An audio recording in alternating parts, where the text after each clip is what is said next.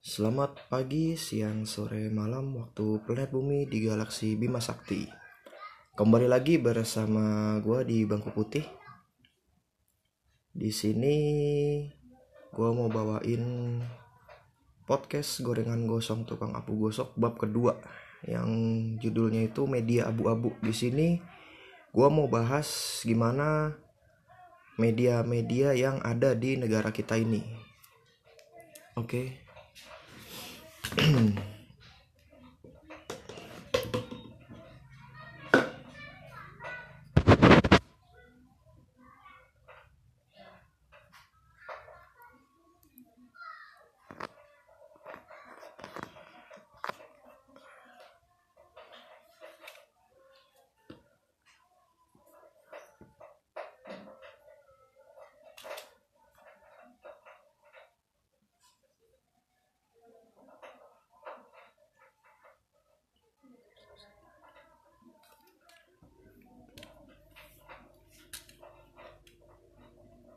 Hari ini Selasa tanggal 28 Juli 2020 Oh ya, sebelumnya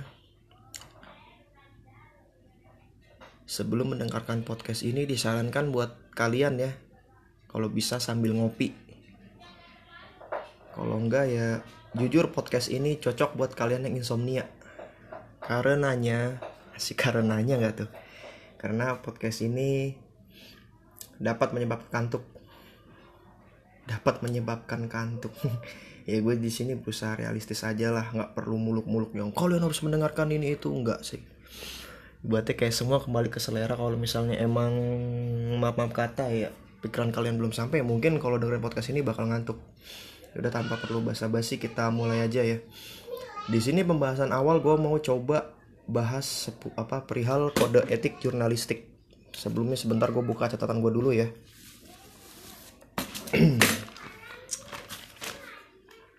Kode etik jurnalistik adalah himpunan etika profesi kewartawanan untuk menjamin kemerdekaan pers dan memenuhi hak publik untuk memperoleh informasi yang benar.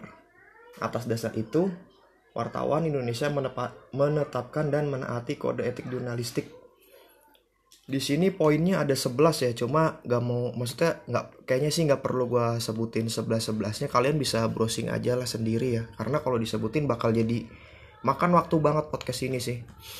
Ya di sini mau coba kita bermain logika aja ya. Kita bedah beberapa ya. Nggak 11 11 nya juga gue bedah. Kalau 11 11 nya gue bedah yang ada nanti bisa habis lama banget bisa bener-bener makan waktu. Jadi yang mau gue bedah di sini yang bener-bener kelihatan aja lah. Jadi ibaratnya teman-teman yang gimana ya gue ngomong ya? Ibaratnya teman-teman yang nggak uh, terlalu paham pun jadi bisa paham gitu. Ibaratnya orang-orang awam pun bisa paham. Jadi gue coba membawa ini secara ringan lah gitu. Biar gampang dimengerti juga Oke kalau misalnya emang kalian rada ragu sama omongan gue boleh sambil browsing ya semua statement yang gue ungkapkan di sini itu ada dasarnya. Ibaratnya kalau misalnya kalian bingung ya bisa kalian kutip beberapa perkataan gue coba kalian searching di Google ataupun browser lainnya nanti ketemu kok. Jadi ibaratnya gue di sini nggak mau asbun aja ya karena ya bahaya juga.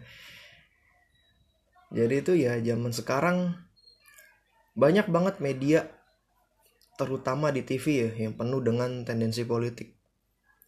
Contohnya ya media di stasiun TV A terkesan lebih pro ke kubu pemerintahan Z.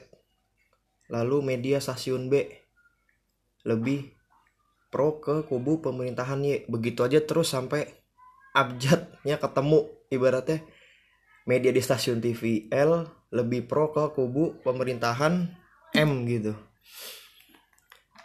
di situ tuh kayak agak mencederai ya agak mencederai kode etik jurnalistik poin ke satu yang bunyinya itu wartawan Indonesia bersikap independen menghasilkan berita yang akurat berimbang dan tidak beretikat buruk. Ya kalau tidak beretikat buruk sih ya ibaratnya ya nggak sih nggak terlalu kelihatan banget ya karena mereka yang gue lihat ya kayak saling meninggikan aja sih. Nah cuma yang agak disayangkan itu ya di kode etik jurnalistik poin pertama ya wartawan Indonesia bersikap independen. Nah yang ini nih yang agak disayangkan gitu. Kayak kalau kita lihat tuh semua media sekarang sebagian besar ya lebih bertendensi politik semua. Apalagi kalau lu lihat ya jurnalis-jurnalis senior yang sering berseliweran di TV gitu. Kayak nggak perlu sebut nama kalian semua pasti tahu lah gitu ya mereka tiap bikin info tiap ngadain talk show segala macem ya. Pokoknya bahas-bahas tentang info-info itu lebih kayak kayak apa tendensi politik gitu. Misalnya di stasiun TV A tadi itu yang punya kader pemerintahan atau kubu pemerintahan Z gitu. Gitu aja terus terusnya gitu. Kayaknya gimana sih ya? Kayak kurang netral aja gitu. Jadinya kita pun sebagai warga masyarakat ya agak rancu karena apa yang harusnya wakil rakyat itu bersatu sama-sama apa membangun negeri ini untuk rakyat tapi mereka kok kayak saling beradu kepentingan politik gitu lewat media-media yang bisa mereka setir gitu. Kalau misalnya emang kalian engah ya. Sekali lagi kalian bisa browsing ya statement gue ini. Nah terus kita coba flashback ke kasus BTP dan HRS ini inisial ya BTP dan HRS kalian pasti tahu lah nggak perlu gue sebut nama lengkapnya juga. Beserta para ormas yang ada gitu. Di situ tuh banyak berita berseliweran yang terkesan memelintir statement satu sama lain sehingga memicu timbulnya perpecahan. Kayak ibaratnya nih nggak NKRI banget gitu. Di sini yang gue lihat itu ya lumayan mencederai kode etik jurnalistik. Poin ketiga yang bunyinya wartawan Indonesia selalu menguji informasi memberitakan secara berimbang tidak mencampurkan fakta dan opini yang menghakimi serta menerapkan asas praduga tak bersalah. Ya sekarang kalau misalnya kayak gini gimana? Masing-masing statement dipelintir masing-masing statement dipelintir. Kita yang ada sebagai penonton sebagai warga awam ngelihatnya itu kayak ih ternyata si ini salah. Eh enggak sih itu salah. Yang ada apa? Kita di lingkungan circle kita pun ya kadang jadi perpecahan karena yang satu pro ke A yang satu pro ke B gitu. Karena apa? Ya saling gak netral saling melintir gitu. Ya kalau misalnya itu kan kasus yang udah lama ya. Kalau kasus yang baru-baru ini sih yang paling kelihatan sih ini aja. Kayak awal mula pandemi masuk ke Indo ya. Pandemi covid masuk ke Indo kan di situ ada beberapa orang-orang penting lah yang berujar perihal pandemi ini. Ya mungkin niat awalnya mereka itu mencoba untuk menenangkan supaya apa? Nggak menciptakan kepanikan massal cuma yang gue lihat di sini apa? Media seakan memelintir gitu. Ibaratnya kayak statement para apa orang-orang petinggi ya. Petinggi pemerintah yang berusaha. Ibaratnya kalau secara tersirat mungkin maknanya itu untuk menenangkan dan nggak menciptakan kepanikan masal cuman ini terpelintir jadi kesannya kayak yang tadinya menenangkan malah jadi terkesan kayak meremehkan gitu. Paham gak maksud gua? Kalau misalnya emang itu ya kalian boleh lihat lah kalian browsing browsing berita-berita kayak browsing browsing berita waktu awal mula pandemi masuk ke Indo ini ya pandemi covid ini ya. Ya di situ dampaknya juga ke podcast Bangku Putih juga. Ibaratnya kayak dulu kami itu sebelum bikin materi itu ya bahannya pun nyari di internet gitu. Artikel-artikel dari seluruh media kami kumpulin kami kumpulin akhirnya apa? Artikel terpelintir itu artikel yang udah terpelintir itu salahnya kami kurang saring ya. Kami kurang saring kami nulis kami rekaman akhirnya mengudara dan ada report gitu. Ada beberapa orang yang report cuman nggak ketahuan yang report siapa sih. Tapi apa dari gara-gara itu akhirnya beberapa episode podcast bangku putih itu sampai kena take down gara-gara ya itu tadi. Sumber mat apa sumber materi yang kami ambil dari media itu sekarang itu agak rancu gitu. Bahasanya banyak yang dipelintir gitu. Ya sebelumnya kami minta maaf ya untuk bapak-bapak yang terhormat ya yang duduk di atas yang pernah nggak sengaja kami sindir-sindir ya karena ya salah kami. Kami nggak bener-bener saring gitu kayaknya tuh aduh gimana ya? Sebenarnya yang gue kalau bahas media itu rada bingung gitu. Semua tuh terkesan abu-abu sekarang. Nggak ada yang independen gitu. Nggak ada yang bener-bener netral.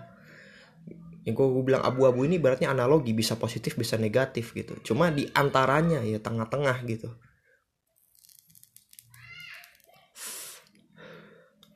Terus saya kayak keresahan utama gue ya perihal media ini ya pas pandemi ini gitu.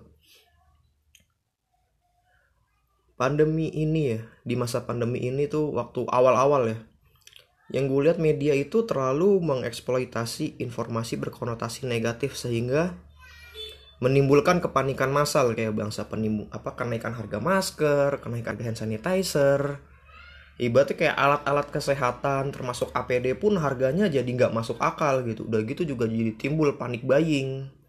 Misalnya kalian nggak tahu panik buying, panik buying itu istilah di mana orang-orang itu pada berbondong-bondong belanja entah ke pasalayan ataupun minimarket ataupun supermarket mereka itu nimbun-nimbun sembako gitu ya sebenarnya kalau panik buying ini ya nggak terlalu gimana gimana sih karena ya bahan pangan pun ada terus gitu yang paling gua sayangkan ya kami sayangkan itu ya gara-gara media terlalu apa berlebihan mengeksploitasi berita pandemi ini tuh ya orang menjadi pada berlomba-lomba nimbun masker gitu. Yang padahal awalnya itu masker itu kan diperuntukkan hanya untuk orang sakit ya.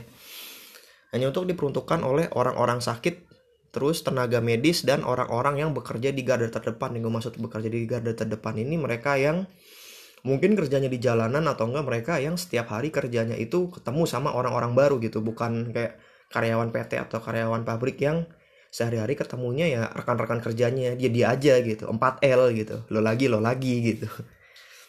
Di situ sih yang agak gue sayangin kayak ibaratnya ya jadi kasihan gitu. Ya mungkin kalau misalnya kalian apa tuh kalian mau rajin-rajin ya kalian coba dengerin kalian coba simak live Instagramnya Dokter Tirta sama Jering SID ya sebenarnya mungkin di saat gue nemu apa gue nyebutnya sama jaring SID mungkin lu pada bakal ngomong ih lu apaan sih? Lu ngapain lu? Gituin orang kayak dia ngapain lu? Ini ini orang kayak dia.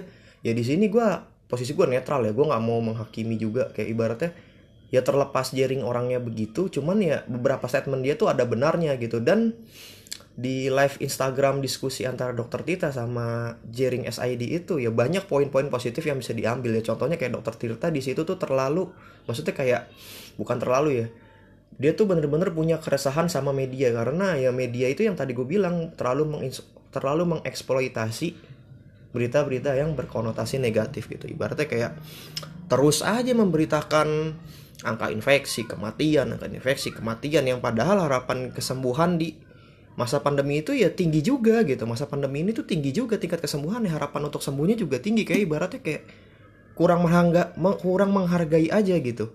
Kalau yang gue lihat ya. Sorry.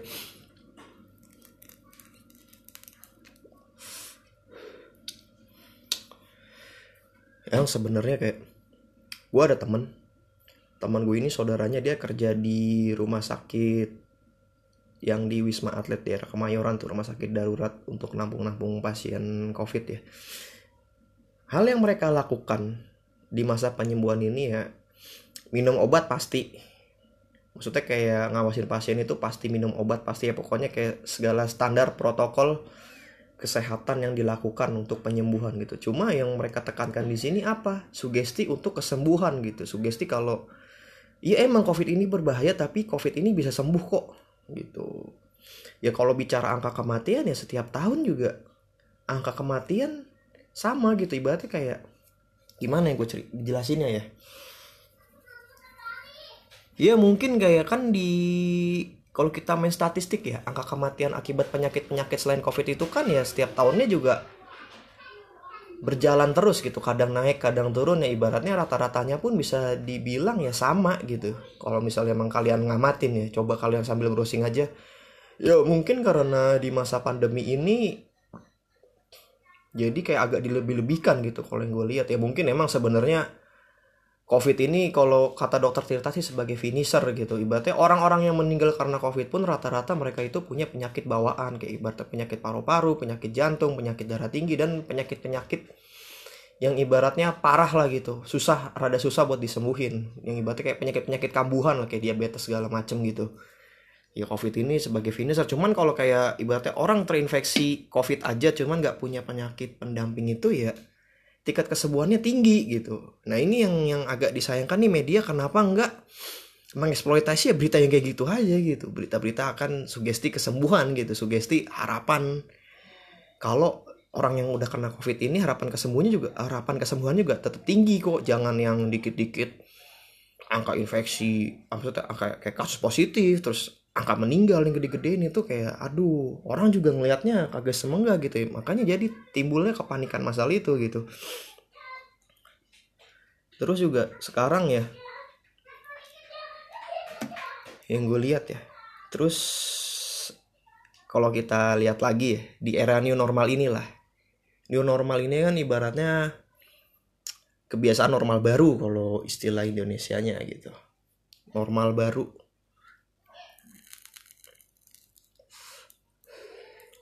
yang gue lihat di normal baru ini pun media gimana ya? Ya gue rada gemes juga ngeliat kenapa gue rada gemes ya ibaratnya sekarang gini? Ya terlepas new normal pun new normal pun terpaksa diadakan pemerintah karena apa ya? Ekonomi harus berjalan gitu kan. Kita nggak mungkin terus-terusan stay at home WFA segala macam. Kan banyak orang yang jadi korban gitu. Kayak ibaratnya gini orang-orang yang pekerja harian gimana? It's okay kalau misalnya orang-orang kerja kantoran yang bisa ngerjain semua kerjanya di rumah. Coba kalau orang-orang yang kerjanya harian gitu pekerja lepas gitu. Mereka dengan adanya pandemi ini dan disuruh stay at home WFH lama-lama ya lama-lama juga mereka gimana untuk cari makan segala macam gitu untuk cari uang buat beli makan dan memenuhi kebutuhan-kebutuhan lainnya. Terkecuali ini orang bisa kenyang makan angin ya it's okay lah nggak perlu yang gimana gimana gitu. Terus kayak sekolah nih ini sekolah juga kalau bicara sekolah banyak keresahan sih kayak ibaratnya. Sekarang gini kalau gue lihat pendidikan di Indonesia itu di masa pandemi ini kayak bercanda sih yang gue lihat. Kenapa gue bilang kayak bercanda ya? Soalnya cuma menguntungkan pihak-pihak dari golongan atas aja. Ibaratnya kayak mereka yang orang-orang banyak duit ya. Mereka nggak perlu kesusahan beli kuota segala macem ya. Mereka bisa sambil belajar sambil maksudnya di saat belajar mereka bisa sambil makan kenyang sendawa segala macam ya. Coba kalau kita lihat gimana nasibnya masyarakat menengah ke bawah yang mereka pun berhak dapat pendidikan gitu. Ibaratnya kayak di masa pandemi ini jangankan untuk beli kuota buat nyari makan aja mereka susah karena apa? Pekerjaan terbatas banget dan banyak orang yang kena PHK juga. Ya saran gue sih untuk pihak yang berwajib coba dipikirkan ulang ya masa-masa kayak gini tuh gitu untuk pendidikan ya. Cuman ya udahlah kan di sini gue mau bahas medianya aja ya. Terus di era new normal ini ya kan kalau misalnya lu pada engah ya kalau misalnya lu pada merhatiin berita lah update terus informasi ya belum lama kan WHO merilis kalau ternyata virus covid ini adalah virus yang airborne ya kalau misalnya lu semua belum ngerti airborne airborne ini adalah jenis apa virus yang bisa menular melalui udara. Jadi emang ya, oh bahaya ternyata. Kalau dulu kan ibaratnya kayak COVID ini bukan virus airborne dalam artian mereka ini cuma menjadikan manusia sebagai inangnya gitu. Sarana penyebarannya lewat manusia dan benda-benda padat di sekitar. Makanya diwajibkan cuci tangan segala macam kan. Cuma kalau untuk sekarang ya usahakan ya ke mana-mana kudu pakai masker sih. Cuman yang gue kritisi di media ini gue sayangkan ini kenapa pas awal-awal pandemi yang ibaratnya masker belum ini banget kok digembar-gembor sampai ada kepanikan masal gila new normal ini mereka ini malah sibuk apa? Sibuk memberitakan kelakuan konyol para netizen di era new normal ya. Gue masuk kelakuan konyol ya sekarang di era new normal mungkin netizen awam tahunya new normal ini ah oh, corona udah hilang corona tinggal sedikit corona udah mau hilang segala macam gitu. Yang padahal ya sebenarnya semua sama kondisinya nggak ada beda sama kayak dulu. Cuma bedanya sekarang udah agak dilonggarkan karena apa? Ekonomi itu harus berjalan gitu. Yang gue lihat di media ini media terlalu sibuk memberitakan tingkah konyol para netizen yang yang padahal kenapa kalau ya gue yakin sih para jurnalis kita pinter gitu. Ya seenggaknya otaknya rada dipakai lah gitu. Sorry kalau agak sarkas ya karena ya yang gue lihat ya kalian semua kayak orang kurang pakai otaknya gitu. Sorry sorry. Ya kenapa daripada kalian sibuk memberitakan tingkah laku konyol kenapa kalian nggak menulis artikel menulis informasi supaya netizen berhenti berperilaku konyol. Jadi ketimbang memberitakan kekonyolan, kenapa nggak kalian memberitakan menulis artikel yang bisa mencegah timbulnya kelakuan konyol gitu kayak ibaratnya ya kenapa nggak kalian goreng aja tuh informasi virus corona ternyata apa virus covid itu ternyata bisa airborne segala macam ya ibaratnya kan kalau misalnya masyarakat awam lihat pun jadi bisa agak lebih waspada di era new normal ini bukan kalian sibuk memberitakan tingkah laku konyol netizen yang sebabnya apa? Jadinya yang gue lihat ya banyak sekarang youtuber-youtuber para influencer yang melabelkan mereka itu channel kritik dalam tanda kutip ya. Ya mereka ini malah jadi lahan duit buat mereka. Yang gue bilang lahan duit apa ya? Mereka sibuk bikin konten ngata-ngatain orang yang perilakunya konyol ini. Yang padahal orang yang perilakunya konyol ini juga mereka apa? Ya mereka cuma dapat informasi yang terbatas gitu. Kalau misalnya emang ya buat lulu orang nih para YouTube para youtuber para influencer yang melabelkan channel lu itu channel kritik ya. Kenapa nggak kalian kritik medianya gitu? Ya semua bersumber kan dari medianya bukan ya jangan masyarakatnya. Masyarakat itu kan cuma orang-orang awam gitu. Mereka dapat informasi dari media ya. Kalau media memberitakan new normal adalah kelonggaran ini itu ini itu ya mereka mikirnya ya udah aman aja gitu. Jadi bisa kayak dulu bisa ke mana-mana bisa ngumpul bisa ini bisa itu gitu. Kalau misalnya memang kalian berani ya para influencer ya kenapa nggak kalian kritik medianya? Kenapa media kok sekarang sibuk memberitakan kelakuan konyol netizen? Kenapa kalian apa kenapa media ini nggak memberitakan perihal virus airborne ini supaya apa? Ya mencegah netizen tadi berkelakuan konyol gitu. Jadi ya gue rasa sih cukup sampai di sini aja ya. Apa uh, podcast gue podcast gorengan gosong untuk kamu gosok gue yang bahas tentang media ini.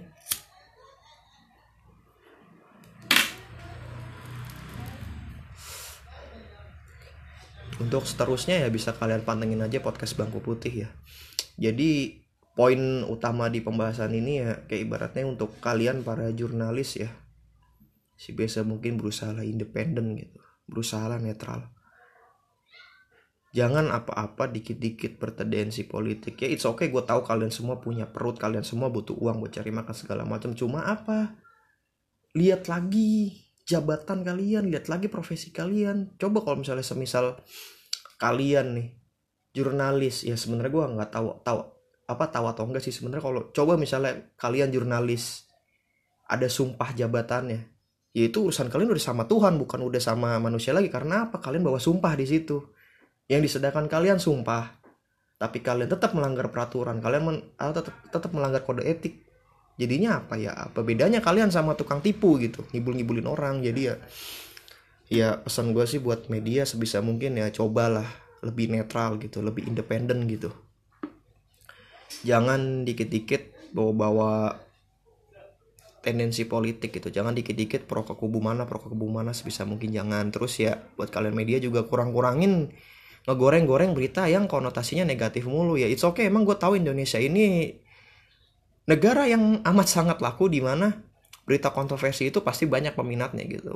Berita-berita yang berbau-bau kerusuhan yang bisa memicu-micu kerusuhan ketimbang berita-berita yang biasa-biasa aja. Cuman kan alangkah baiknya kenapa nggak menciptakan artikel yang bermanfaat gitu?